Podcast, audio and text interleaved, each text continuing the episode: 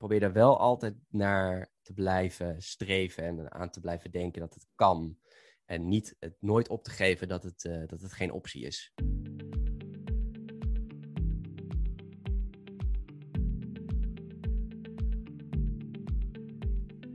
Welkom bij de Liefdesbrigade podcast.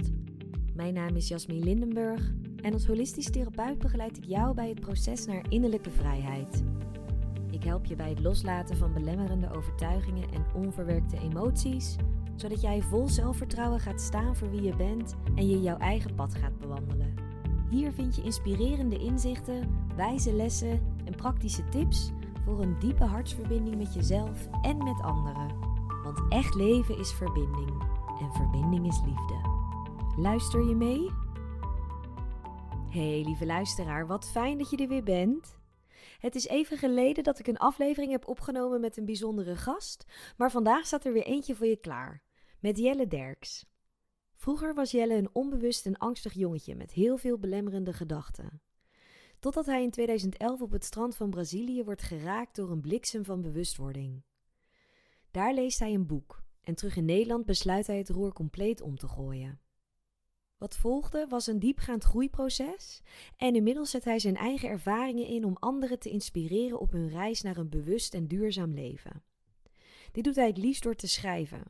En je kunt hem dan ook kennen als blogger van het platform Growth Thinkers, die hij samen met zijn vriendin Claire runt, waar ze artikelen, video's en podcasts publiceren over persoonlijke groei, minimalisme en duurzaamheid. En misschien ken je hem wel als auteur van het boek Verlangen naar minder, wat ik zelf echt een dikke aanrader vind, omdat het een persoonlijk, oprecht, inspirerend en praktisch boek is, waarin hij zijn eigen reis naar een bewust en duurzaam leven beschrijft. Acteur, auteur, blogger, podcaster, Jelle is een heleboel. En vandaag is hij bij mij te gast als liefdesbrigadier. Het is een inspirerend gesprek geworden over het bewandelen van je eigen pad, waarin Jelle spreekt over echt jezelf zijn, je hart volgen en verantwoordelijkheid nemen voor je eigen leven. Daarnaast hebben we het over omgaan met hobbels op de weg, die spannende sprong in het diepe wagen en jezelf vergelijken met anderen, of beter gezegd, stoppen met jezelf vergelijken met anderen. Want zoals Jelle in deze aflevering mooi zegt, jezelf vergelijken met anderen is eigenlijk ontkenning van wie je zelf bent. Mijn tip? Pak snel een pen en een vel papier, zodat je tijdens het luisteren van deze aflevering alle nuggets of wisdom en boekentips kunt opschrijven die Jelle met je deelt. Geniet van dit gesprek en dan kom ik daarna weer bij je terug.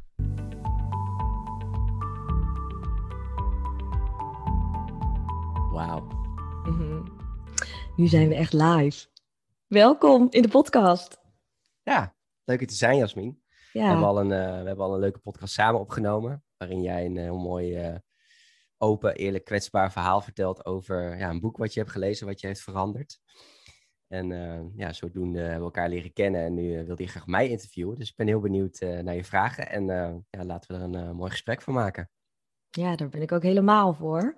Ja. Heel fijn dat je hier wil zijn. En... Zeker, graag gedaan. En misschien weet je het nog niet, maar de Liefdesbrigade die staat voor een groep mensen die leven in het licht en die op hun eigen manier liefde verspreiden. En bij de Liefdesbrigade is het dan zo dat deze mensen zich ook bewust zijn van dat alles wat ze doen in het leven, of wat ze willen in het leven, wat ze verlangen in het leven, zoals liefde, dat het dan begint bij henzelf. Dus dat ze eerst dat allemaal gaan zoeken in zichzelf. Dus hun eigen licht en hun eigen liefde. Ja. En voor dit gesprek, om deze te openen, is dan mijn eerste vraag aan jou. Wat betekent zelfliefde voor jou? Ja, ik, ik ben het daar trouwens helemaal mee eens. Ehm, ik denk dat, uh, ja, dat, dat met zelfliefde, dat je kunt pas van je, je kunt pas van iemand anders houden als je van jezelf gaat houden. Die, die, uh, die quote die je wel eens ziet. En um, ik weet ook nog wel, ik weet nog wel dat Jan Geurts ooit zei in een lezing van uh, de beste manier om een uh, relatie te vinden is stoppen met uh, zoeken. Dus gewoon het op je af laten komen. En ik weet niet of dat exact de quote was, maar dat was wel waar het een beetje op neerkwam. En het is gewoon, um, ja, gewoon door zelfkennis te investeren in, in jezelf. En vervolgens daar ook op mensen, daar, daar mensen op aan te trekken. Want ik denk ook van, als je leeft, ja, als jij het leven leeft wat je wil leven, hè, wat heel erg vanuit jou komt, om het zo maar te zeggen, dus niet zozeer vanuit wat je, voor mij was het heel erg duidelijk als ik kijk naar ja, mijn verleden, dat ik, ik had een bepaalde, ik zat vast eigenlijk in een soort vorm in mijn, in mijn hoofd van, van wat ik moest zijn en wat ik, uh, uh, ja, hoe ik uh, me wilde verhouden tot deze wereld. Dus ik was in, um, ik was in 2007 afgestudeerd aan de toneelschool in Utrecht, dus zat ik heel erg vast in, ik moet, acteur, ik moet acteur zijn en heel erg die, die koker en dat was eigenlijk maar één identiteit en dat was dat. Hè. Ik, had daar ook voor gestudeerd. En ik zat dus heel erg vast in, ook in negatieve ehm, ja, denkpatronen. En door dat eigenlijk te doorbreken door een boek uh, wat ik las in Brazilië, Denk groot en word rijk van Napoleon Hill, uh, kon ik heel erg gaan zoeken naar waar zit, het, waar zit het echte verlangen, dus waar zit het hart. Dus voor mij ging dat heel erg van ja, de vorm die ik in mijn hoofd had gemaakt, ook mede door mijn omgeving natuurlijk, die van alles van mij, die een bepaalde druk op mij legde. Uh, dat kon ik loslaten. Ik kon veel meer naar gaan kijken van waar, ja, wat wil het hart eigenlijk? Dus waar zit het verlangen? En dat is ook iets waar Napoleon heel over schrijft. Waar zit die positieve emoties? Iets waar je zin in hebt. Iets, uh, hoop, geloof zijn dingen waar hij over schrijft. En dat werd dus uiteindelijk um, ja, persoonlijke groei. Want ik las een boek en ik wilde dus uh, meer over persoonlijke groei weten. Dus ik ging ook schrijven over die onderwerpen. En hoe meer ik dat leven ging leven, merkte ik ook hoe meer ik daar ook op ja, mensen op aantrok. Dus hè, je, uh, je trekt eigenlijk aan wat je uitzendt. Dus als jij alleen maar uh, agressie uitzendt, bij wijze van spreken, dan trek je ook agressie aan of boosheid. Trek je ook boosheid aan, maar uh, trek je die, dat zelf, of ja, zend je meer dat zelfvertrouwen uit en die liefde ook, denk ik, voor de wereld en het verlangen, dan trek je daar ook mensen op aan. Dus ik geloof wel dat dat, dat, dat een hele belangrijke stroom is. En dat uh, uiteindelijk hè, de mensen die je daarop ontmoet, dat die daar een soort gevolg van zijn. Dus daar geloof ik wel heel erg in. Ja, mooi. Je gooit gelijk al zoveel lijntjes over dat ik denk, oké, welke ga ik nu even pakken? Ja. Maar als je het zo vertelt, inderdaad, dan wat ik je dan hoor zeggen, is dat het bij jou dus ook echt begon bij die liefde van binnen, bij jezelf. Ja, absoluut. Ja. ja. ja. En dus heel erg het leven gaan leven wat, uh, wat heel erg bij mij past. Dus um, ja, er zijn mij bepaalde dingen aangeleerd vroeger. En ik denk ook, um, uh, ben nu een boek aan het lezen. Dat gaat over, uh, ja, dat is van Ingeborg Bos. Het heet De Onschuldige Gevangen. Het gaat heel erg over opvoeding. En um, ja, wat zij eigenlijk zegt is, wat, ik heb laatst ook een podcast met haar geluisterd. Wat ik heel mooi vond, is dat ze zei van, ja, jij, jij kunt klaar zijn met het verleden, hè, maar het verleden is niet klaar met jou. Dus je zult altijd ook hè, en ik had hem nou, ook wel dingen in mijn verleden meegemaakt die wel heftig waren. Of in die zin, ik, had een, ik heb een bipolaire vader met een bipolaire stoornis en die heeft best wel wat nare dingen tegen hem gezegd. Nou, die, die dingen die hij zei, die zijn in mij gaan leven. Dus door dat heel erg ook aan te gaan, um, ja, kon ik, eh, kon ik gaan zien wat, wat is mij aangeleerd. En wat, wat daarvan wil ik meenemen en wat daarvan wil ik gewoon absoluut niet. Dus hè, die angsten die mij waren indirect, onbewust waren aangeleerd. Daar wilde ik echt vanaf.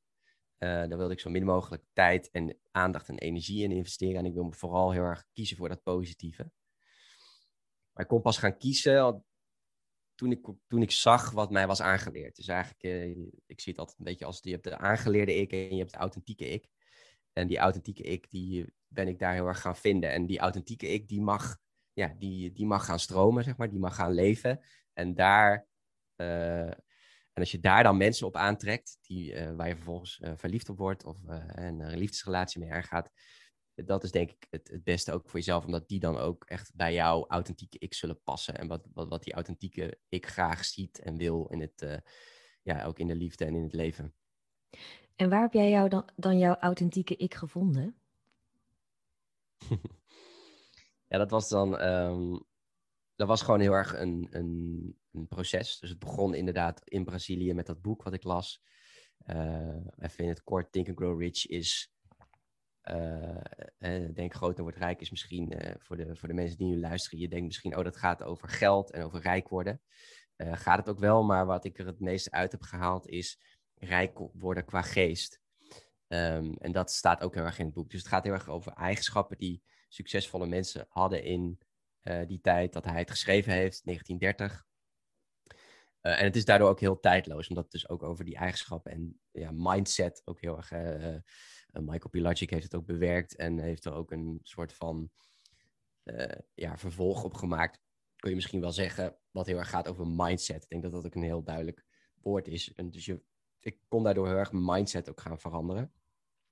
Dus daar is het eigenlijk begonnen met dat ik dus erachter kwam dat ik heel angstig was geworden. Dus dat ik ehm, een angstig jongetje was door alles wat ik had meegemaakt. Uh, maar daar was ik me niet bewust van. Dus het begon eigenlijk met die bewustwording. Met het bewust worden van, oh oké, dus ik heb bepaalde gedachten. En die gedachten, daar ga ik vervolgens uh, in mee. Dus ik geloof een gedachte. Het is een bepaalde leugen of een bepaald verhaal wat niet waar is. Die grote Muppet Show in je hoofd die maar door blijft blaten. En er zitten ook heel veel Muppets bij die het uh, niet zo goed met je voor hebben. Dus die heet het zeggen dat je lui bent, dat je niet genoeg bent. Nou, die Muppet geloofde ik heel erg. Die Muppet zat eigenlijk op mijn schouder, die angst-Muppet. Uh, en uh, dat was ik geworden. En eigenlijk die authentieke ik begon dus bij, het, uh, bij die bewustwording. Dus dat ik kon zien wat er ja, in mijn hoofd gebeurde. En wat ik daar vervolgens mee deed. Dat, ja, gewoon heel erg, je noemt dat dan cognitieve gedragstherapie. Dus je kijkt gewoon heel erg naar wat gebeurt er in je brein en hoe kan ik daar een, uh, ja, hoe kan ik, dat, hoe, kan ik dat veranderen? En dat was voor mij ook al heel krachtig. Puur het feit dat ik dus die controle kon hebben over wat ik dacht. Dat, wist ik helemaal niet. Ik dacht, ja, je leeft gewoon je leven en je ziet het wel. Heel reactief eigenlijk. En daar ontdekte ik dus ook van, oké, je kunt dus ook proactief daarmee omgaan. Dus daar begon het. Ja, en toen uh, was het natuurlijk bij mij uh, een rollercoaster die ging rijden, omdat het zo goed voelde om uh, die authentieke ik te gaan leven. Dat ik ja, veel meer boeken ben gaan lezen en, ja, en andere dingen ben gaan doen die me daarbij hielpen. iemand anders die me daar ook wel enorm bij heeft geholpen is Vera Helleman. Vera Helleman heeft een boek geschreven genaamd Moeiteloos jezelf zijn. En zij schrijft dus eigenlijk ook heel erg over dat, um, ja, die authentieke ik leven. En zij heeft wel heel erg ook geholpen om te zien dat er bepaalde vormen in mijn hoofd vast, dat ik bepaal, ja, in bepaalde vormen vast zat van hoe ik dacht dat ik het moest doen. Terwijl ik veel meer was dan dat. Dus ik was uiteindelijk ook gewoon een schrijver en een podcaster en een spreker. En, maar wel binnen die, over die onderwerpen die ik heel interessant vond en waar ik uh, ja, echt die, binnen die interesses. Dus dat ben ik heel erg gaan leven. Om datgene wat ik had geleerd en de interesses die ik had, om die ook uh, te gaan delen met anderen. En kun je je nog herinneren wat zij tegen jou zei, wat toen zo bij jou binnenkwam, waardoor je dus steeds meer dat inzicht kreeg en waardoor je steeds meer jezelf, je authentieke zelf kon leven? Ja, ik weet nog heel goed dat zij, zij deed, um, nog uh, voor corona, deed zij van die hele interessante avonden, uh, waarop je dus eigenlijk gewoon, ja, je zat in de, in de zaal en je keek naar haar en dan kwamen dan steeds mensen gewoon bij haar op het podium met een probleem of met een struggle. En gewoon heel open. En zij ging de mensen daar dan ja, eigenlijk live mee helpen. En ik weet nog dat er ook iemand was die heel erg vast zat in een bepaalde vorm. Dat zij daar, diegene daar heel erg op wees van je zit vast in een bepaalde vorm van hoe jij denkt dat dat het moet. Maar ga veel meer kijken naar waar, waar zit dat hart? Dus wat zijn dingen die vanzelf gaan op een dag? Wat zijn dingen waar je op een dag, hè, dat is ook dat moeiteloos jezelf zijn. Wat zijn dingen die, die moeiteloos zijn, die, die zomaar beginnen? Nou, voor mij is dat dus bijvoorbeeld, ik sta op, ik pak mijn laptop en ik pak er lekker bak koffie bij en ik begin met schrijven. Hè, uh, als ik in die creatieve flow zit. Ook die is weer, hè, uh, de ene moment is hij er en de andere moment niet, maar dat hoort er ook weer bij. Um, dus ga veel meer op zoek naar waar zit het verlangen, waar zit, um, wat zijn dingen die vanzelf gaan, wat zijn dingen waar je gewoon op een dag zin in hebt. Moet natuurlijk ook allemaal maar kunnen. Hè? Ik bedoel, ik snap ook dat dat, uh, dat toen ik dat vertel, dat het allemaal, ook als je bijvoorbeeld kinderen hebt, of je hebt een gezin, of je hebt een druk leven, dat dat allemaal niet zo makkelijk is. Maar kijk dan bijvoorbeeld eens naar uh, wat ga je in een weekend doen. Dus als je een weekend vrij hebt, wat, wat gaan zijn dan dingen die vanzelf gaan, waar je echt denkt, oh, daar heb ik nou echt zin in. En daar zit vaak uh, daar zit vaak die authentieke ik die wil, die wil gaan, zeg maar. Um, dus um, ja, daar begon het begon bij mij bij zo'n avond dat zij uh, iemand anders daarop wees. En ik dus heel erg zag van, ja, ik zit vast in die vorm van dat, uh, dat acteur, hè, die, die, die, zeg maar die acteursopleiding die ik had gedaan waar ik nog steeds heel veel kracht en, en, uh, en ervaring uithaal. Ik bedoel, tijdens lezingen heb ik natuurlijk nog steeds, neem ik die ervaring natuurlijk nog steeds mee van wat ik daar heb geleerd. Maar echt het acteur zijn, zeg maar, dus um, hè, in dienst staan van een verhaal of in dienst staan van een stuk of uh, tekst leren bijvoorbeeld. Zijn eigenlijk, waren eigenlijk allemaal dingen die ik gewoon niet helemaal, gewoon eigenlijk geen reet aan vond. Dus ik, ik waren eigenlijk veel meer dingen die ik veel leuker vond om te doen, zoals schrijven en, en podcasten. En, maar dan binnen, hè, binnen mijn interesses, binnen dat wat, wat, wat mij raakt. Nou, persoonlijke groei, minimalisme, duurzaamheid zijn daar voorbeelden van. En uh, ja, dus dat, dat, dat begon ik daar heel erg te zien. Van ja, uh, ik heb het mezelf alleen maar aangepraat en het is door mijn omgeving is het me, is het me allemaal, zo, is het allemaal zo gegaan en gegroeid. En ik kan daar gewoon uitstappen. Het is ook goed om daar uit te stappen, omdat het dan, ja, dan ga je echt dat leven leven wat, uh, wat dus past bij die, hè, bij dat moeiteloos jezelf zijn, bij, dat, bij die authentieke ik. Ja, mooi. En dat beschrijf je ook heel mooi hoe jij dat hebt gedaan tijdens jouw eigen reis in je boek. Ik heb hem hier ook liggen. Je boek Verlangen naar Minder. Ik had hem gelezen ter voorbereiding op ons gesprek. En je beschrijft daarin zo helder de stappen die jij hebt gezet op jouw eigen pad voor deze persoonlijke groei. Mhm. En je hebt het daar ook over passies, hè? dus jouw passie vinden. En je zegt dan zelf voor jou is bijvoorbeeld passie het schrijven, het, het creatieve, het inspireren. En ik herinner me nog dat je in je boek een metafoor hebt genoemd dat je je eigen pad kan zien als een boom en dat je passies dan je takken zijn. En die vond ik zo mooi. Zou je die nog willen vertellen? ja, ja de, boom, de boom staat eigenlijk voor een, metafoor in die zin dat ehm, hij dus uh, hij verschillende takken heeft. En een boom kan niet maar één tak hebben. Wat, wat, ik, wat ik daar eigenlijk mee, uh, mee bedoel in het boek is dat um, stel je hebt uh, een bepaalde baan waar je je heel goed bij voelt, maar je voelt op een gegeven moment dat je er bent uitgegroeid. De tijd is, hè, dus die tak is eigenlijk, uh, die tak is eigenlijk klaar. En het is tijd om weer een nieuwe tak te laten groeien.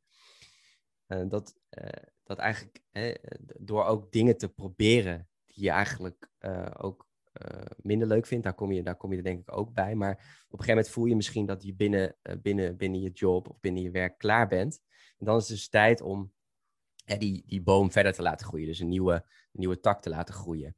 Dat wil ik eigenlijk in het boek heel erg zeggen. En dat, ehm, ja, dat je dus verschillende passies hebt. En dat het dus heel erg een, um, ook wel een beetje een verstrengelde weg is om daar om te zoeken naar wat echt bij je past.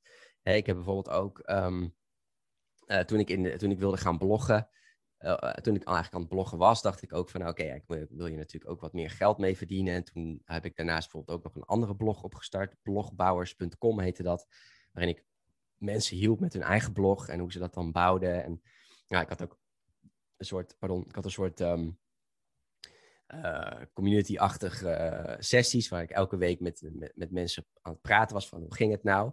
En ik merkte dat ik daardoor eigenlijk een soort leraar werd. Dus ik, ik wilde, moest ook mensen er op een gegeven moment een beetje bij gaan houden van, uh, en sommige mensen kwamen dan te laat. En toen merkte ik van ja, hier heb ik dus eigenlijk helemaal niet zo'n zin in om, om, om een soort leraar te worden, een soort autoriteit die moet zeggen, je moet wel op tijd komen, want de klas begint. En toen ben ik daar ook vrij snel mee gestopt. Dus dat is misschien ook zo'n klein takje wat gewoon klaar is met groeien en wat, wat weer verder wil. Dus um, hè, zoek, blijf heel erg zoeken van, oké, dit past bij mij, dit past niet bij mij. En daarin kun je denk ik ook heel erg je, ja, jouw pad hè, en jouw passies heel erg uh, boetseren, zeg maar, steeds verder komen.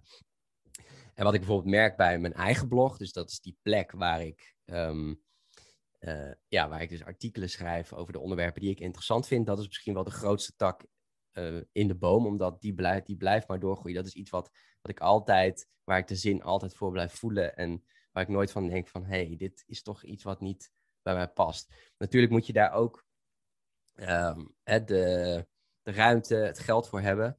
Uh, om dat te kunnen doen. Hè? Want misschien moet je wel in een baan blijven, omdat je gewoon voelt van ja, uh, hè, wat moet ik anders doen? Helemaal in dit soort periodes, uh, waarin het gewoon ook, ja, we zitten nu midden in een coronacrisis, waarin het ook veel lastiger wordt. Het is allemaal niet, ehm, hè, dat, dat kiezen moet je ook kunnen. Um, dus wat, als ik dan mag vertellen hoe ik dat zelf heb gedaan, dat is gewoon door ja, je vaste lasten gewoon zo laag mogelijk te krijgen. En ook heel erg eh, te gaan minimaliseren. Dus um, ja, te gaan kijken wat er voor jou echt belangrijk is. En alles verwijderen wat daar niet bij helpt. Dat kun je met bezittingen doen, met afleidingen, met verplichtingen. Om echt die focus te krijgen op, op datgene wat je wil doen. Hè, die, dat ene ding. En dat kun je bijvoorbeeld ook doen in de weekenden of s avonds, of de momenten dat je daar de tijd voor hebt, kun je dat ook gaan opzetten en langzaam gaan opbouwen. En dan daarnaast, bij wijze van spreken, een, ja, gewoon wel een baan hebben die gewoon wel die zekerheid biedt. Want die zekerheid is ook zeker, zeker belangrijk als je gewoon toch je rekeningen moet betalen. Maar in, daarin kun je dus heel erg, hè, dus als je bijvoorbeeld denkt van nou, dit past bij mij, dan ga je dat doen. Maar die, het zou kunnen dat je op een gegeven moment merkt dat, dat, dat het daar klaar is en dat je, dat je weer verder wil. En dan zeg ik altijd, dan zou ik altijd iedereen willen adviseren of willen aanraden van ja, spring in het diepe, duik in die diepe onzekerheid en ga weer, dan weer voor een nieuwe stap in je leven. En laat een andere tak hè, in die boom weer, uh, weer doorgroeien, want die tak is blijkbaar klaar. En dan zit er nu vast iemand te luisteren die denkt, ja, spring in het diepe, dat is echt zo makkelijk gezegd, maar ik vind dat super eng. Wat zou je tegen zo iemand zeggen? Uh, ja, dat is ook eng. Dus laat ik, dat ik, laat ik daarvoor de, als eerste begrip uh, voor hebben. Dat, dat is eng, want dat is... Um, ja, want wat zullen, wat zullen anderen wel niet zeggen? Hè? Dat is ook iets wat, wat ik, uh, waar ik bang voor was in, in Brazilië. De angst voor kritiek, waar Napoleon heel ook over schrijft.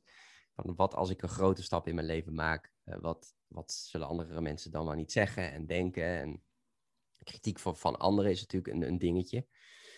Um, weet wel dat dat, dat vaak hè, bij die mensen ook eigenlijk een soort innerlijke, um, ja, een soort innerlijk verlangen misschien wel is, wat ze op jou projecteren. En uh, je ziet vaak als iemand gaat ondernemen of iemand maakt zo'n ja, zo'n eh, grote stap in zijn of haar leven, dan is daar vaak ook weinig steun voor, omdat mensen misschien om hem of haar heen ook denken van, oh, dat is, uh, is eigenlijk, die kritiek is eigenlijk een soort ja, een non-acceptatie in, in die persoon. En dat wordt op jou geprojecteerd. Dus iemand heeft daar misschien zelf ook een verlangen in. Uh, en projecteert dat vervolgens op jou. Uh, ik vind de metafoor altijd ook wel interessant van krabbetjes die in een emmer lopen. En als één krabbetje, dat is gewoon hoe de natuur ook werkt. Als één krabbetje eruit wil klimmen, dan wordt, wordt dat krabbetje door die andere naar beneden gehaald. Um, dus hè, dat, dat, uh, ja, dat, dat, dat springen in die onzekerheid, dat is iets wat misschien anderen ook ja, stil willen. En dat projecteren is op jou. Dus dat is denk ik iets, uh, een belangrijk iets om te zien en om daar ook, dat ook te doorzien van, oké, dit is niet persoonlijk op mij, maar dit is gewoon ook ergens een verlangen in diegene kan natuurlijk ook vanuit houden van zijn. Hè? Dus uh, dat je ouders misschien zeggen van ja, maar hoe ga je dat dan betalen en dat soort dingen. Want die houden van je, die willen natuurlijk ook uiteindelijk dat jij, uh, ja, dat jij een goed leven hebt. Dus het kan ook heel erg vanuit die houden van zijn, maar het is vaak ook een, uh, ja, de, de, eigenlijk het verlangen, het eigen verlangen wat geprojecteerd wordt op jou. Dus dat is denk ik heel belangrijk om, om dan voor jezelf na te gaan. En uh, als je die sprong niet in één keer wil maken, uh, ja, ga dan kijken hoe je langzaam die sprong kan maken. Door uh, bijvoorbeeld het ene wat langzaam wat minder te maken. Als bijvoorbeeld als je een parttime baan hebt. Of maak van een fulltime baan, kijk of je er een parttime baan van kan maken. En ga dan steeds verder ja, tot je die sprong uiteindelijk echt durft te maken. naar, het, naar het ondernemerschap. Want dat is wel vaak waar we het dan over hebben. Dat, dat je echt zelfstandig aan dingen gaat werken. En um, ja, wat ik ook zou willen zeggen is. Geef, uh, geef. Probeer wel altijd naar die sprong toe te werken. Dus zeg nooit van ik ga die sprong niet nemen, want. Dus probeer, en het mag best lang duren, hè, dat, uh, voordat je die sprong kan nemen en durft te nemen, dat soort dingen. Maar probeer daar wel altijd naar te blijven streven en aan te blijven denken dat het kan. En niet het nooit op te geven dat het, uh, dat het geen optie is. Ja, dus dat die stip aan de horizon voor jezelf helder is en dat je in de tussentijd jezelf de ruimte geeft om daar op je eigen tempo naartoe te groeien. Ja, zo zou je het kunnen samenvatten, ja. Ja. ja. En als je dan, dan ben ik even nieuwsgierig, als je dan nu naar je eigen leven kijkt, is er iets waarvan jij zegt, ik zou eigenlijk wel die richting op willen en daar een tak hè, in die richting laten groeien. Maar ja, misschien dat ik dan toch ook wel die sprong zou moeten wagen? Um, nou, waar ik op dit moment in zit is. Uh, ik ben zelf al. Kijk, ik ben nu vanaf 2011 aan het. Uh, echt uh, 2011 dat ik die stap nam. die uh, 2011, 2012, dat ik die stap nam om. Ja, ik heb toen mijn zolderkamer in Utrecht opgezegd. Ik heb toen mijn horecabaantje opgezegd en ik ben toen een tijd bij mijn vader gaan wonen. Ik had echt niks te makken. Ik had geen huis, ik had niks, maar ik was het, op dat moment de meest gelukkige mens van, uh, van Amersfoort-Vathorst. Die Phoenixwijk waar ik toen woonde. En ik kan me dat nog heel goed herinneren, dat ik dus heel, zo, zo rijk qua geest was geworden, zoals ik het toen zag door dat boek van Napoleon Hill. Dus toen ben ik begonnen en dat was voor mij ja, gewoon ook best wel, vooral die eerste jaren was dat pittig. Want ik, um, ja, ik was natuurlijk aan het bloggen en ik kreeg natuurlijk ook van andere mensen de vraag hè, op uh, feestjes en partijtjes van ja, verdient dat ook iets? Hè? En uh, nou, dat verdiende dus nog niks. En ik woonde op een gegeven moment toen ook bij, uh, samen met mijn vriendin op haar studentenkamer in Amsterdam. Ehm, wat, heel, wat heel gezellig was op, op 10 vierkante meter. dus ik, ik heb ook wel echt jarenlang gewoon daar, wel, met, dat, met die visie en met het verlangen naar, naar dat ik ooit hiermee mijn, um, hier, dat ik ooit hiervan wilde kunnen leven dat heb ik vastgehouden. En dat is ook het lekkere daaraan, is ook dat dat een hele. Ja, daar kun je echt lekker in vastbijten. Het is echt een mooi doel om te bereiken. Hè? Dat je puur, uh, dat je met, met dat wat jij doet, of die, met jouw onderneming, dat je daar uiteindelijk ook van kan leven. Nou, op een gegeven moment, um, dan zijn we, even kijken, dan zijn we al zes, zeven jaar verder. kwam er natuurlijk ook een uitgeverij bij. Die zei van, nou, we willen, we willen graag een boek met je maken. Maar daarvoor had ik ook al wel ja, uh, gaf ik ook al lezingen en dat soort dingen. Uh, en uh, was, op een gegeven moment was de blog die ik, waar ik mee ben begonnen, lijstjes.info, was Growth Thinkers geworden. Een nieuwe naam en ben ik ook samen met mijn vriendin gaan ondernemen. maar het, is, het was niet van, er wordt vaak gesproken over nou, een overnight succes. Dus iemand die binnen no time succesvol is dat is dus niet waar. Die, die, die story die wel eens wordt verteld. Het, is echt gewoon, het is jarenlang wel ergens naartoe werken. En dat, is ook, dat zijn ook wel zware momenten. Ik ook een tijd, uh, uh, uh, ja, die, die momenten kunnen zwaar zijn, maar die voelen heel, um, ja, die voelen wel heel kloppend, heel juist. En ik heb ook een tijd anti-kraak ge, gewoond. Ja, aan de ene kant omdat het gewoon ook heel, heel erg scheelde in, in vaste lasten. Maar aan de andere kant ook omdat het, we het ook een leuk avontuur vonden om aan te gaan. En ook een beetje te gaan zoeken naar de pareltjes in Amsterdam. Maar ook dat, ja, dat, ook is, dat, dat is iets wat bij je moet passen. Want hey, je kunt zomaar uh, binnen een maand te horen, krijgen, of je, te horen krijgen dat je er binnen een maand uit moet. Dus dat moet, dat moet ook bij jouw lifestyle kunnen passen. Maar dat zijn bijvoorbeeld wel dingen die mij hebben geholpen om dit wel te kunnen opbouwen. Hè? Uh, en um, dus daarom wil ik ook vooral niet overkomen als iemand die het allemaal voor elkaar heeft en gemaakt heeft. In die zin, en dat het allemaal zomaar is gegaan. Het, is, het heeft wel echt ook uh, werk gekost. En ook wel momenten dat ik dacht van, oh shit, wil ik dit wel? Weet je wel, ik bedoel... Ja, ik heb ook momenten gehad dat ik in die anti-kraakwoning zat... en dat er ineens mensen in mijn, huis stonden. En ik dacht van, ja, hoe komen jullie hier? Van die architecten en ingenieurs die, uh, het, huis, die het huis waar ik op dat moment woonde gingen opmeten. Dat ik dacht van, my god, maar... En het heeft natuurlijk heel veel opgeleverd, omdat het geeft mij ook heel veel voldoening om die verhalen te delen. Maar om daar ook echt van te kunnen leven, dat is gewoon best wel een weg. Um, waarom ging ik hier ook weer over vertellen? Wat was je vraag ook alweer? Of je nog nieuwe takken in een bepaalde richting zou willen laten groeien. Oh ja, jezus. dus um, als ik dan, als ik dan terugkijk, dan, uh, dan kan ik dus nu zeggen dat ik ervan kan. Hè, ik kan er nu van leven. Van, van, van, van, we kunnen er allebei van leven van, van Growth Thinkers. Dus dat is, dat is eigenlijk al een droom voor mij die, die nu is uitgekomen. En ik hoop dat het ook zo blijft. Want uh, ja, ik bedoel, ondernemen blijft ook in die zin, het blijft ook variërend en onzeker. Uh, een nieuwe stap zou zijn dat, ja, dat we Growth Thinkers zo hebben uit, dus die, die, die andere tak zou zijn dat we Growth Thinkers zo hebben uitgebreid dat, dat we, ehm, ja, dat het nog, dat dat, dat, dat, dat, inkomen nog ruimer is. In die zin dat, dat je er, naast dat je ervan kan leven, bij wijze van spreken ook, ja, dat je er een, dat je een hypotheek, ik, ik noem zomaar een voorbeeld, hè, dat je bijvoorbeeld dat je een huis kan kopen. Dat je net nog iets meer ja, financiële slagkracht hebt om um, echt ook die ja, de, die stappen in je leven te gaan maken, die, uh, die tussen haakjes volwassen stappen. Dat zou een nieuwe tak zijn, maar dat is wel binnen, ja, gewoon wel binnen Growth wat Growth Thinkers doet. En uh, um, ja, en op ik ben ook wel heel erg uh, voor, het, um, voor de kracht van genoeg. Dus op een gegeven moment als ik zoiets heb van, nou, dit is voor mij echt een, ehm, een bedrag in het jaar, bij spreken gemiddeld, waar we gewoon, ja, dan, waar we goed van kunnen leven, waar we dat op een gegeven moment genoeg is bereikt, dan wil ik ook wel echt gaan kijken, want dat is ook wel iets wat me heel erg inspireert, ook van andere mensen. Van hoe kan ik dat alles wat binnen, wat boven dat plafond binnenkomt, hoe kan ik dat geven aan goede doelen en goede initiatieven. Dus dat zouden nog een paar, uh, ja, op werkgebied nog een, uh, een paar takken zijn. Uh, het, het, ja, het absolute verlangen is wel om dat binnen, binnen, dat, binnen die paraplu te kunnen blijven doen. Dus binnen Growth Thinkers. En dat is, ja, dat is gewoon een platform wat artikelen, podcasts en video's maakt over persoonlijke groei, minimalisme en duurzaamheid. En hoe zou je het beschrijven wat dat dan met jou doet van binnen als je daarmee bezig bent? Um, het is eigenlijk vooral wat het vooral, wat het vooral brengt, is dat het, dat het gewoon heel fijn is om te kunnen doen wat je hart je ingeeft. Dus dat je gewoon uh, ja, het werk van je hart eigenlijk gevonden hebt. Dat geeft, uh, dat geeft mij heel veel voldoening.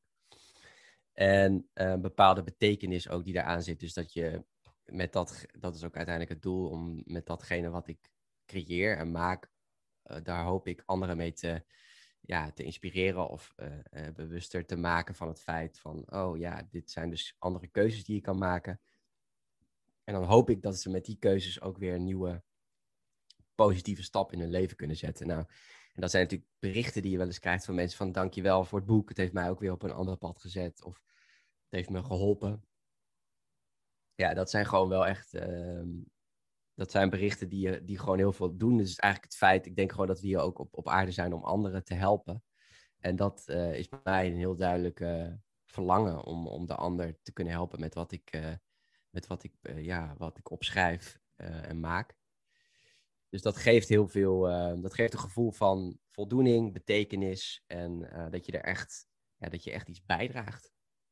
Ja, mooi. Echt iets bijdragen aan het grotere geheel. Ja, en natuurlijk komt het hele duurzame aspect daar ook bij kijken, duurzaamheid. Dus um, ergens is het ook voor mij heel erg eh, het geven aan, aan de wereld. Uh, en dan vooral het, het bewoonbaar houden van deze aarde. Uh, ik denk dat dat.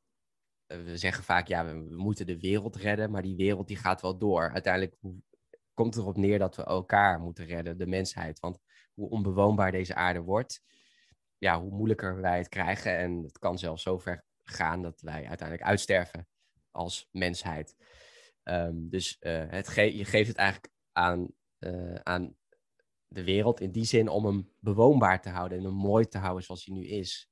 Uh, of als zoals hij ooit was, want hij is nu al langzaam ook aan het opwarmen en ja, de natuur wordt steeds minder, biodiversiteit wordt steeds lager. Uh, dus dat is ook een enorme drive geworden, vooral uh, ja, de afgelopen drie, vier jaar, om uh, daarvoor in te zetten. En wat zijn kleine stapjes die je zelf zou kunnen zetten om de wereld meer bewoonbaar te maken? Ja, bewoonbaar te houden, inderdaad. Um, nou, ik zou vooral van tevoren willen zeggen, doe datgene waar, waar jij ook een passie bij voelt. Dus um, uh, je, hebt, uh, je hebt zoiets als ecorexia. En ecorexia houdt eigenlijk in dat je voor jezelf, voor jezelf het gevoel hebt dat je nooit genoeg kan doen om deze aarde bewoonbaar te houden. Dus denkt op een gegeven moment van ja, ik kan beter onder een brug gaan wonen. En dan heb ik een, geen, vooral geen kinderen krijgen. en um, dan heb ik zo min mogelijk impact. Bij wijze van spreken even heel extreme. Dus het is nooit genoeg. Maar probeer wel te blijven genieten van het leven, maar kijk gewoon hè, eh, welke stappen goed voelen. Dus waar je zin hebt om in, om in te veranderen. Nou, er zijn er een aantal die, uh, die, uh, die heel effectief zijn. Uh, ik begin bij, bij voedsel, eten. Dus eet een zo plantenrijk voedselpatroon als mogelijk. Dus eet zoveel mogelijk groenten, fruit, zaden, noten, granen. dat wat de natuur maakt eigenlijk. Eh, planten. En uh, zo min mogelijk dierlijk. Dus zo min mogelijk wat van een dier afkomt. Dus vlees, vis, uh, kaas, melk, noem het allemaal op. Want daar zit vaak, ja, daar zit vaak heel veel impact in. vooral vlees. Dus als je, al, als je bij wijze van spreken al vlees uit je eetpatroon kan schrappen, dan maak je al heel veel impact. twee zou zijn, kijk wat je in je woning kan doen. Dus kies sowieso voor een groene energieleverancier thuis. En kijk hoe je ja, kunt besparen in je woning. Um, dat zit hem natuurlijk ook in hoe groot je woont, maar ook in hoeveel energie je verbruikt. Maar ook of je bijvoorbeeld ehm, ja, of je wel of geen gas afneemt, of je bijvoorbeeld zonnepanelen hebt, ledverlichting. Dus je kunt binnen, binnen je woning kun je ook heel veel doen. En je vervoer is natuurlijk een belangrijk uh, aspect. Dus kijk naar hoe je op een andere manier je kan vervoeren van A naar B. Dus niet wij spreken liever met een elektrische auto, waar ook weer enorme discussie over is. Maar ik denk wel dat elektrische auto's op de lange termijn ons wel ja, gaan helpen. Er zit wel heel veel impact in het maken van die batterijen.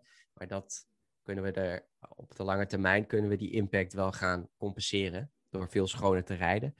Um, maar ook minder vliegen en kijken hoe je bijvoorbeeld met de trein of met een fietsvakantie kan doen. En ook weer hier wil ik weer nog een keer herhalen van voel van wat, wat past heel erg bij mij. Waar heb ik zin in om in te veranderen en ga dat doen.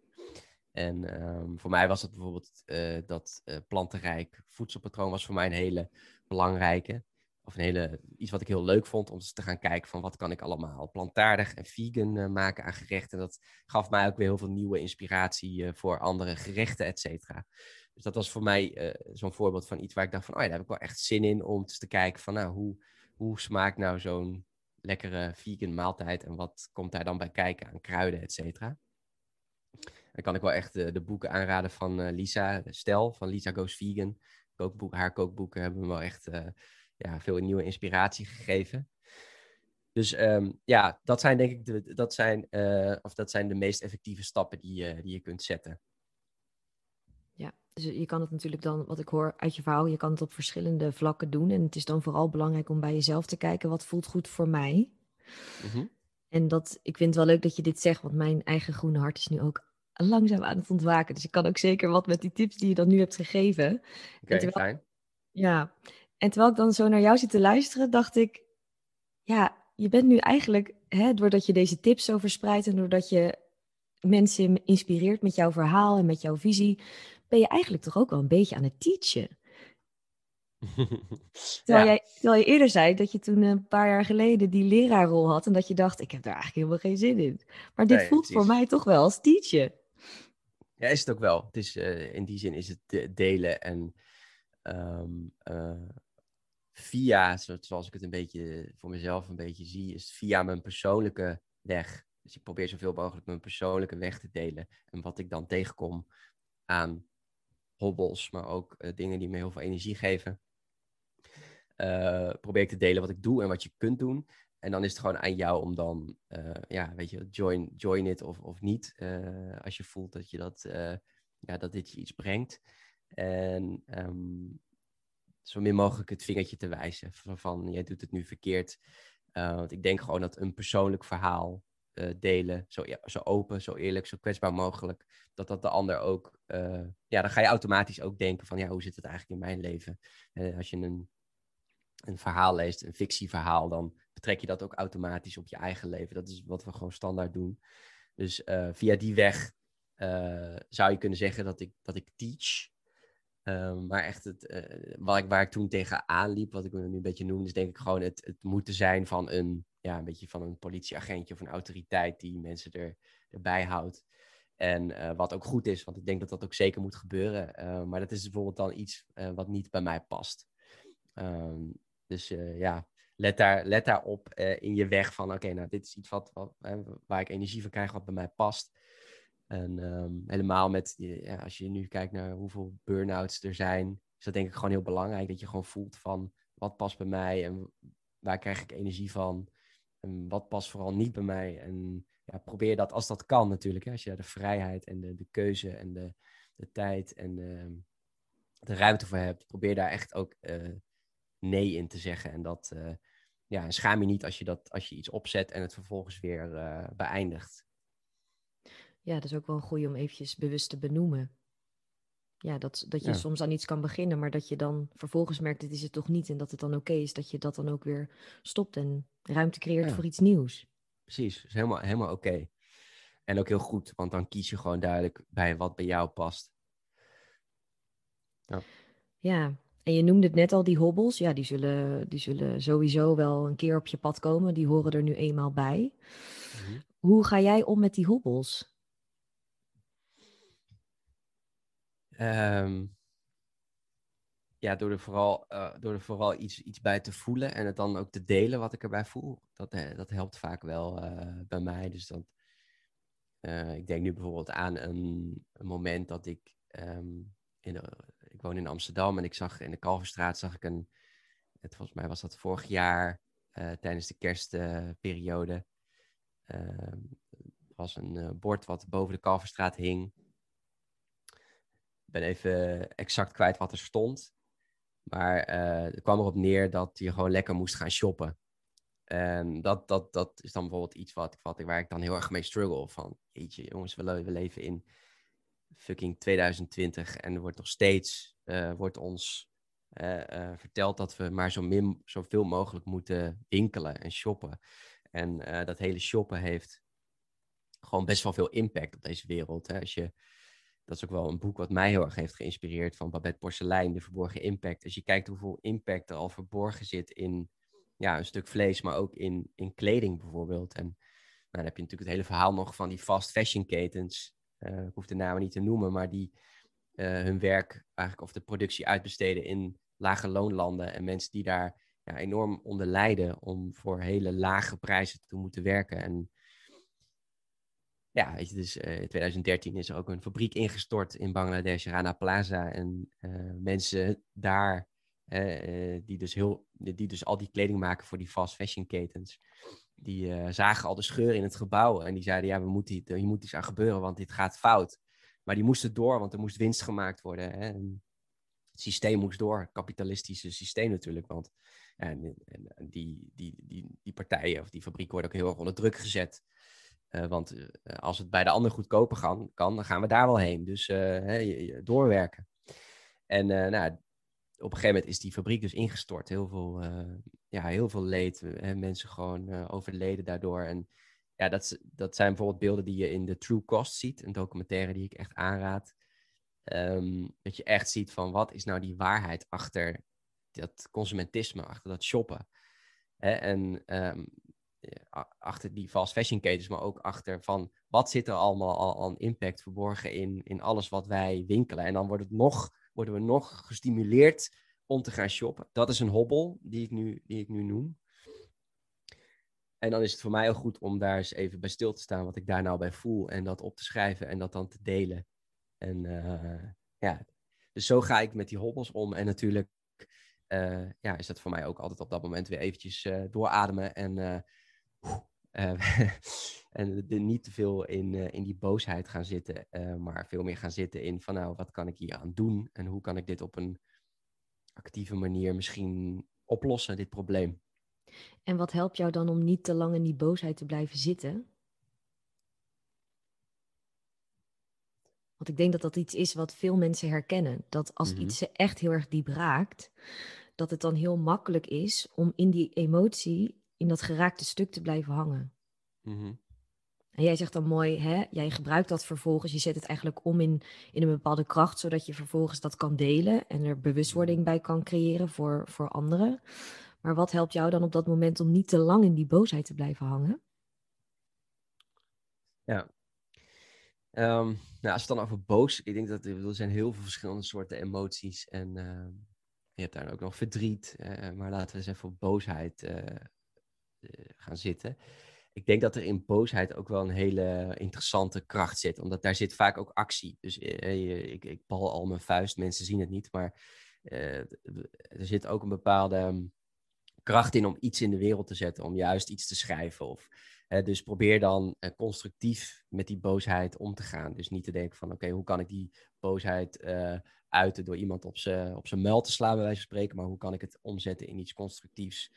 En um, dat je daar waakzaam voor bent. Dus wanneer wordt dit destructief? Wanneer ga ik dingen doen waar ik later spijt van heb? Uh, maar het, het, het, het, het voelen aan zich mag, er best, uh, mag je best even, daar mag je best even doorheen, denk ik. Omdat dit wel iets zegt over ja, jou, jouw pad, maar ook jouw leven en iets wat je raakt. En iets wat je misschien later nog kan gaan starten. Uh, dus die, daar, bij die boosheid zit wel, zit wel iets. Kan ook iets uit het verleden zijn natuurlijk, waar je, waar je nog mee aan de slag kunt. om, dat, om die pijn aan te gaan. En dat, dan heb je het misschien wat, wat eerder over verdriet.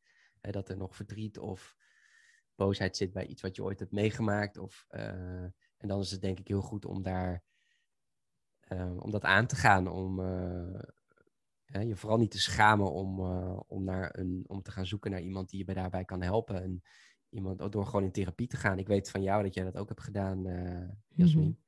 Je bent er ook een voorbeeld van.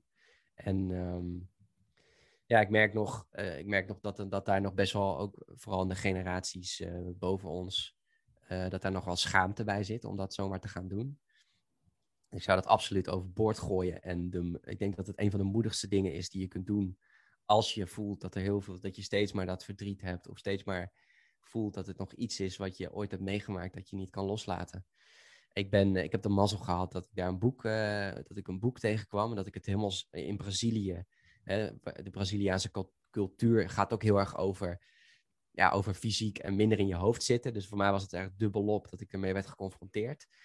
Um, maar naast, naast dat een boek heel goed kan zijn, kan er gewoon puur naar een psycholoog gaan ook echt fantastisch zijn. En uh, ik had dat misschien ook gedaan als ik dat boek niet had gelezen. Dus, um, dus voor, ja, komt de, samenvattend, voel bij jezelf waar, waar, uh, wat zit hier? En uh, wat kan ik hier vervolgens zelf mee doen om dit, uh, ja, om deze, om deze em emotie. Maar emotie kan ook heel constructief zijn, nogmaals. Kan, die boosheid kan ook iets, juist iets heel moois brengen. Zeker, ja. Wat je ook mooi noemde, boosheid heeft natuurlijk twee kanten. Dus als je die, die constructieve kant gebruikt, dan kun je het ook echt ergens voor inzetten. Mm -hmm, ja. En ja, het is mooi dat je zegt dat er moed voor nodig is om echt naar jezelf te kijken en om echt naar binnen te kijken. Mm-hmm. En dat het dus kan helpen om dan in therapie te gaan, bijvoorbeeld. En zelf geloof ik ook heel erg in de kracht van verbinden met, met de mensen in je omgeving, met de mensen om je heen.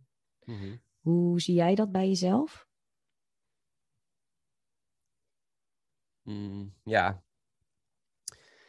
Ja, als je, ik, ik, kijk dan wel eens van, wat, is dan, uh, wat is dan mijn pad? Hè? Dus waar ben ik dan voor geboren? En vaak komt er ook wel terug dat het dus enerzijds heel erg, dat ik heel graag mensen wil helpen en ze tot een, net als wat ik dus heb uh, gedaan, uh, wat bij mij dus is gebeurd in Brazilië. Dus dat ik een beetje die Napoleon Hill word voor mensen, dat ik ze help met dingen en inspireer. Maar als je het wat serieuzer bekijkt, zou je ook wel eens kunnen zeggen dat, dat ik ook wel op de wereld ben gezet, of in ieder geval klinkt een beetje misschien een beetje spiri, maar dat je, ik voel dat ik wel een bepaalde missie en dat ik ergens voor geboren ben. En dat is ook wel zeker dat ik heel graag wil dat uh, andere mensen, uh, vooral ikzelf, uh, verantwoordelijkheid neem over mijn leven.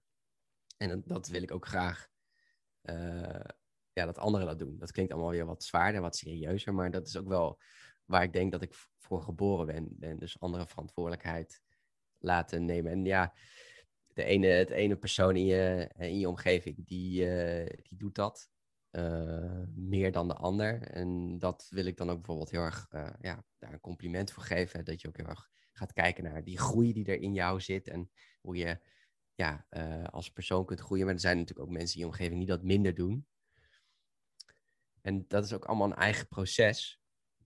En het is ook lastig om, daar, om, daar, om daarmee om te gaan. Ik denk dat het beste is om vooral in je omgeving te blijven voorleven. Of te, te blijven leven hoe jij het ziet en hoe jij, wat jou inspireert. En daar mensen op aan te trekken. En ja, je hebt natuurlijk bepaalde mensen in je familie die, waar, ja, waar je gewoon bij hoort. En daar zou ik ook voor, voor willen zeggen van, ja, leef het voor. Uh, en kijk hoe je misschien ooit, uh, misschien ergens een bepaalde handreiking kunt doen door ze een boek op te sturen of ze iets uh, te geven van hey, bekijk dit eens. Maar het is vervolgens wel aan hun om er iets mee te doen. Dus ga daar niet, verlies jezelf daar niet in. als je die verandering niet bij de ander ziet. Net als dat je bij wijze van spreken minimalisme ontdekt en je gaat opruimen en je partner is daar totaal niet mee bezig. Um, leef het gewoon voor, blijf het gewoon leven en vertel, als er naar gevraagd wordt, vertel dan wat het met je doet. En, maar ga niet de ander proberen te veranderen en daar heel erg uh, jezelf in verliezen. Het is ook belangrijk dat je dat af en toe ook weer gewoon kunt parkeren en dat je gewoon weet van, maar het is uiteindelijk zijn of haar verantwoordelijkheid. Uh, en ik heb daar verder geen invloed. Ja, ik heb daar ergens wel een kleine invloed op, maar dat is niet mijn taak. Het is niet mijn. Um... Ja, het is uiteindelijk aan diegene zelf. Ja, de verantwoordelijkheid ligt bij de persoon zelf. Om daar vervolgens iets mee te doen met wat je ze aanreikt. Uh, ja, ja. En um... ja, kijk, je, je hoopt natuurlijk dat, dat, dat iedereen om je heen ook werkt aan zijn of haar groei. En uh, dat, uh, dat, dat, hè, dat, dat hoop je. Want dan kun je, als je met elkaar, net als in een relatie, als je uh, elkaar de ruimte geeft om als individu te groeien. En daarin af en toe bij elkaar te komen en dan te praten over wat je hebt meegemaakt. En, maar ook samen heel erg mooie momenten te delen. Maar vooral heel erg elkaar daar niet in te remmen in die eigen persoonlijke groei. Dat is denk ik in een relatie heel belangrijk. Um, en in je omgeving hoop je dat natuurlijk ook. En als dat niet kan, of als, als je ziet dat dat niet lukt, of dat dat, dat, dat stroef gaat, dan uh, is het natuurlijk, uh, blijft het die verantwoordelijkheid van, blijft het altijd de verantwoordelijkheid van de ander. Je kunt af en toe een handreiking doen of een inspiratie geven, maar meer kun je gewoon niet doen, want je kunt de ander niet veranderen. En het is ook maar de vraag of die ander dat überhaupt wil. Want je legt uiteindelijk natuurlijk ook weer een, ja, jouw perspectief op, op die ander. Maar die ander heeft misschien totaal andere ja, uh, ideeën van hoe dat, hoe dat zou, hoe hij of zij dat ziet. Dus dat vind ik soms ook wel lastig. Maar um, dan bedenk ik mezelf altijd, oké, ik kan een handreiking doen, ik kan af en toe een inspiratie geven. En verder ligt het gewoon totaal bij de ander. En het is ook aan hem of haar. En als hij of, hij of zij dat niet ziet als iets wat belangrijk is, oké. maar dan, ja, dan heb ik dat ook wel te accepteren. Ja. ja. Ja. dus dan het enige wat je kan doen is, zou je kunnen zeggen, um, zaadjes strooien. En dan zelf kijken uh, of diegene ervoor kiest om het uit te laten bloeien tot een bloempje, bijvoorbeeld. Ja, ja precies. En uh, ja, verlies jezelf niet in het strooien van die zaadjes. Zeg maar. Dus ga daar niet. Uh, blijf wel altijd gewoon bezig met het voorleven. Daar, daar, dat is denk ik het belangrijkste. Dus blijf het gewoon zelf in gang zetten. Ik denk dat je jezelf ook juist heel erg kan verliezen omdat je de ander zo graag wil veranderen. Maar denk dan nee. Het is net als met. Um, het is net als met je, je vergelijken met anderen. Wat we natuurlijk veel doen op social media nu. Dat je door je Instagram feed scrolt en ziet wat voor geweldige levens die andere mensen allemaal hebben die je ziet. Um, het heeft geen zin om je te vergelijken met anderen, want iedereen heeft een eigen pad te bewandelen. Iedereen is voor, iedereen heeft dat specifieke authentieke ikje en dat pad wat daarbij hoort. Dus je vergelijken met anderen is eigenlijk een ontkenning van wie je zelf bent. Uh, en ja, dat, daar, daar, daar moet ik dan ook aan denken. Dat, dat, dat heeft geen zin. Op een gegeven moment is het gewoon weer tijd om die app te verwijderen en door te gaan met jouw pad. En vervolgens dat, uh, dat te delen. En uh, ja, meer kun je niet doen. Dus uh, het vergelijken met anderen is gewoon een hele slechte vibe om in terecht te komen. Want het is een ontkenning van wie je zelf bent. Ja. Ja. Dus niet vergelijken met anderen, maar je laten inspireren door anderen. Exact. en wie is er op dit moment in jouw leven een inspiratiebron voor jou? Op dit moment.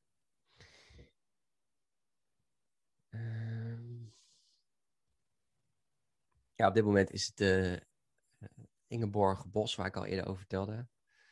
Uh, die, wel, die me wel heel erg inspireert. Ik ben nu haar boek aan het lezen. En ja, dat verandert ook inderdaad per periode heel erg. Kijk even welke boeken ik heb, uh, ook al heb gelezen de afgelopen tijd. dus je haalt je inspiratiebronnen uit boeken, als ik het zo hoor. Absoluut, ja. Kom je ook wel eens mensen in je leven tegen waarvan je denkt, nou, die vind ik ook wel echt op een bepaalde manier een inspiratie voor mijn eigen persoonlijke groei? Zeker, ja. Ja, Wim Hof bijvoorbeeld heeft me ook wel geïnspireerd om koud te gaan douchen. Ik zag het op je stories, ja. Ja. Hoe gaat het daar nu mee? Uh, ja, ik ben, ik ben er even heel, uh, ik heb het dus een maand lang gedaan. Het heeft me heel veel gebracht. Ik ben er nu even mee gestopt, want ik las, ik had laatst dat, ik, dat het in mijn nek schoot. En dat ik dus even niet, ik kon eigenlijk bijna niks meer doen qua bewegen. Dus ik zat eigenlijk een beetje vast in, ja, het was, was helemaal, het zat helemaal vast gegroeid. Of nou ja, het was een heel gekke spier die dan even zegt van ik hou ermee op. Toen was ik een beetje gaan googlen, zoals we altijd doen als we iets voelen. En toen las ik dat het dus ook door de kou kan komen. Um, dus toen ben ik eigenlijk, dacht ik, oké, ik, ik zet er eventjes de rem op om weer eventjes te herstellen. Maar ik merk wel dat ik het wel weer mis, omdat um, het geeft me echt een enorme energieboost als ik het doe. Uh, ook wel rust en zo. En, dus ik wilde wel weer mee gaan beginnen, maar ik wil het wel weer een beetje langzaam gaan opbouwen, omdat ik dus in, ja, het, in mijn optiek dus zou kunnen dat, dat daardoor mijn spieren ook een beetje zijn gaan zijn gaan protesteren door die kou. Ja, dus, dus je hebt in ieder geval goed naar je lichaam geluisterd door er even mee te stoppen. ja. Ja, en dan voel je nu weer de behoefte om daarmee door te gaan. Ja, precies. Uh, dus ja, het, zijn vaak uh, de boeken die ik lees en de mensen die ik me via boeken laat, uh, inspireren.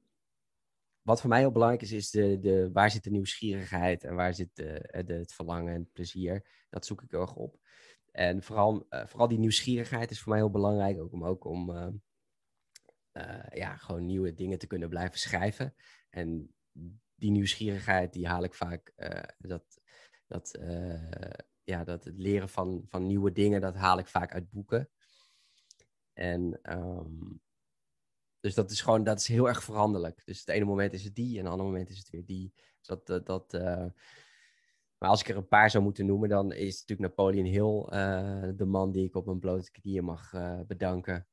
Vera Helleman, en Leo Babauta. En Leo Babauta is een Amerikaanse blogger en door hem heb ik minimalisme ontdekt. Dus hij schreef, hij schreef al toen al, vanaf 2006 schreef hij al over minimalisme, simplifying your life. En toen ik dus bij mijn vader woonde en op, die, op de bank lag bij hem, kwam ik die blog tegen. Dus dat zijn wel de, denk ik de drie grote inspiratiebronnen voor mij tot, tot, tot nu toe. Ja, dus als ik dan aan jou zou vragen wat jou helpt om te groeien en wat jou helpt om geïnspireerd te blijven, dan, dan hoor ik daar dus schrijvers in terug, schrijvers van boeken. En ook die mhm. nieuwsgierigheid om dingen uit te proberen, zoals die Wim Hof Challenge. Ja. En zou je daar nog iets aan willen toevoegen? Nee.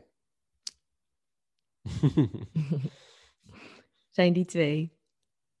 Ja, op dit moment wel. Ja, het is dus heel erg waar zit de nieuwsgierigheid en, um, en, en ja, ik probeer zoveel mogelijk gewoon boeken te lezen. Dat is voor mij het. Uh, want ook, ook, ook met het lezen van boeken wordt, wordt je ehm, in mijn optiek ook een betere schrijver. Omdat je ziet hoe, hoe bepaalde zinnen zijn opgebouwd. En ja, je, je, je ontdekt daardoor van wat, wat, wat is interessant om te lezen, wat pakt. En ik denk gewoon dat. Uh, ja, in boeken, in boeken zit de meeste, in, voor mijn op, in mijn optiek, de meeste kwalitatieve kennis ook. Ja, ik zit ondertussen ook even naar de tijd te kijken en we zitten alweer uh, net aan het uur. Ja. Uh, ik zou nog heel veel dingen aan je kunnen vragen, maar laat ik anders aan jou vragen. Is er nog iets waar je het nog graag over wil hebben? Iets, een onderwerp dat we nog niet hebben aangeraakt? Hmm. Nee, eigenlijk niet. Ik heb behoorlijk veel uh, gepraat. En ik ben benieuwd wat je ervan, wat je ervan maakt. Van, van alles wat we hebben besproken. Ja, ja. Ik ook. ja, nou, dan, um, ja, dan is het misschien nog goed om te vragen aan je waar, waar luisteraars jou het beste kunnen vinden. Online, mhm. waar ben jij het makkelijkst te vinden? Uh, growthinkers.nl is de, de, de blog waar alles op staat.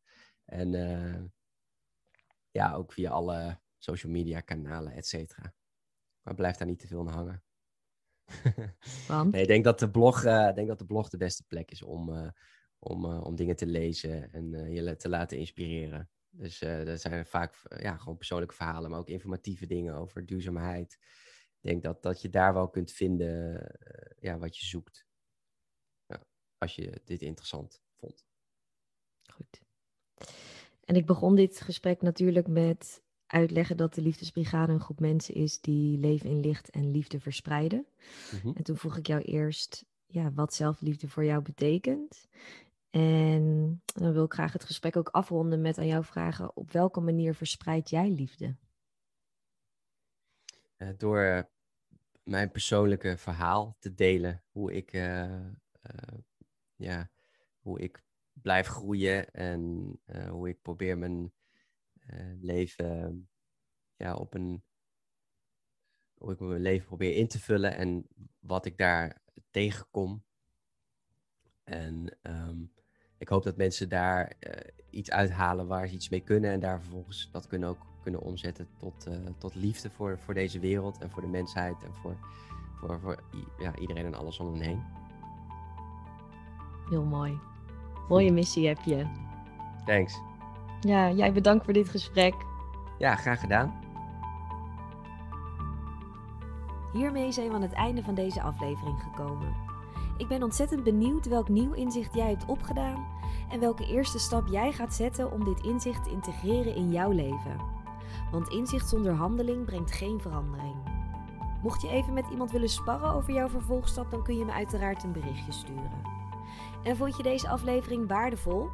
Deel hem dan nu met je omgeving en tag ons in Instagram Stories at Growthinkers en at de Liefdesbrigade.